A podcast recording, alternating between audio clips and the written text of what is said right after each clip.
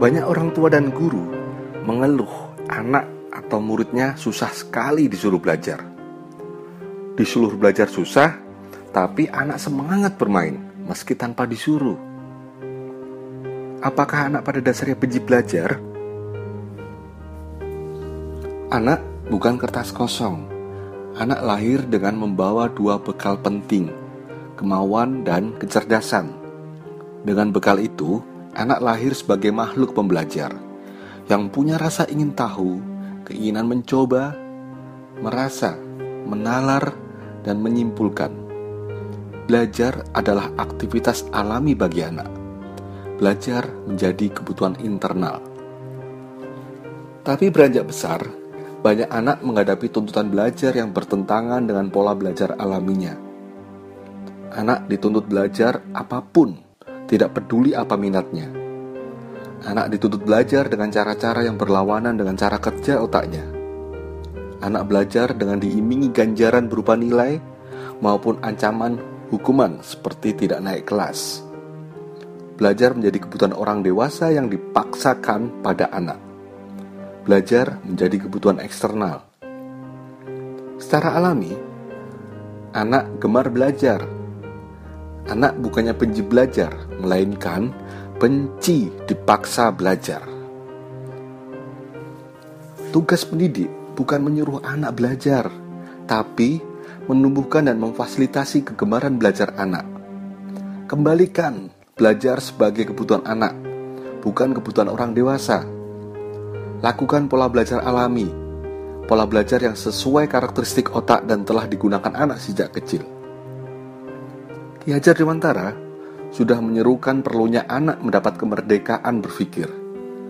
Beliau mengatakan, kemerdekaan hendaknya dikenakan terhadap caranya anak-anak berpikir, yaitu jangan selalu dipelopori atau disuruh mengakui buah pikiran orang lain.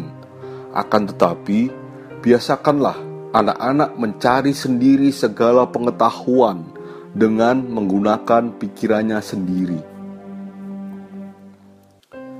Bagaimana memfasilitasi kegemaran belajar anak? Bagaimana membuat anak belajar seasik bermain? Dalam buku Anak Bukan Kertas Kosong, saya merumuskan pola belajar alami yang terdiri dari empat tahap.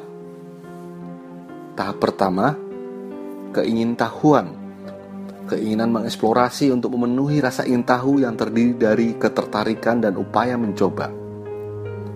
Jangan beritahu anak, tapi pancing rasa ingin tahunya. Bila ingin tahu, anak akan bergerak berusaha mencari tahu secara mandiri. Tahap kedua, kesempatan belajar. Kemerdekaan mengarahkan sendiri proses belajarnya anak merdeka memilih waktu dan tempat belajar, serta mengakses sumber pengetahuan yang dibutuhkannya.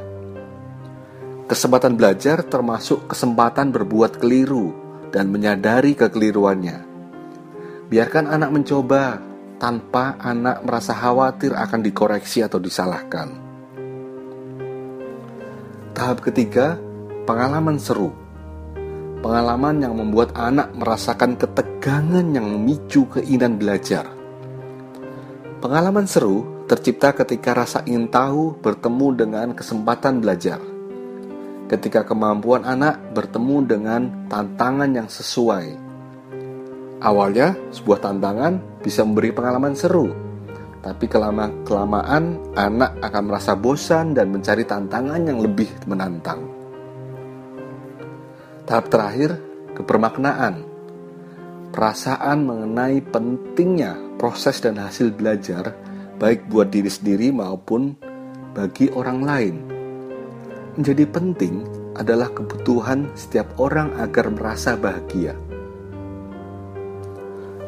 Dengan pola belajar alami, anak akan gemar belajar. Belajar pun menjadi seasik bermain. Anak bukan kertas kosong, Secara alami, anak gemar belajar. Anak bukannya benci belajar, melainkan benci dipaksa belajar. Tugas pendidik bukan menyuruh anak belajar, tapi menumbuhkan dan memfasilitasi kegemaran belajar anak. Ingin mempelajari cara belajar seasik bermain? Dapatkan buku Anak Bukan Kertas Kosong di toko buku kesayangan Anda. Terima kasih telah menyimak. Saya Buki Setiawan.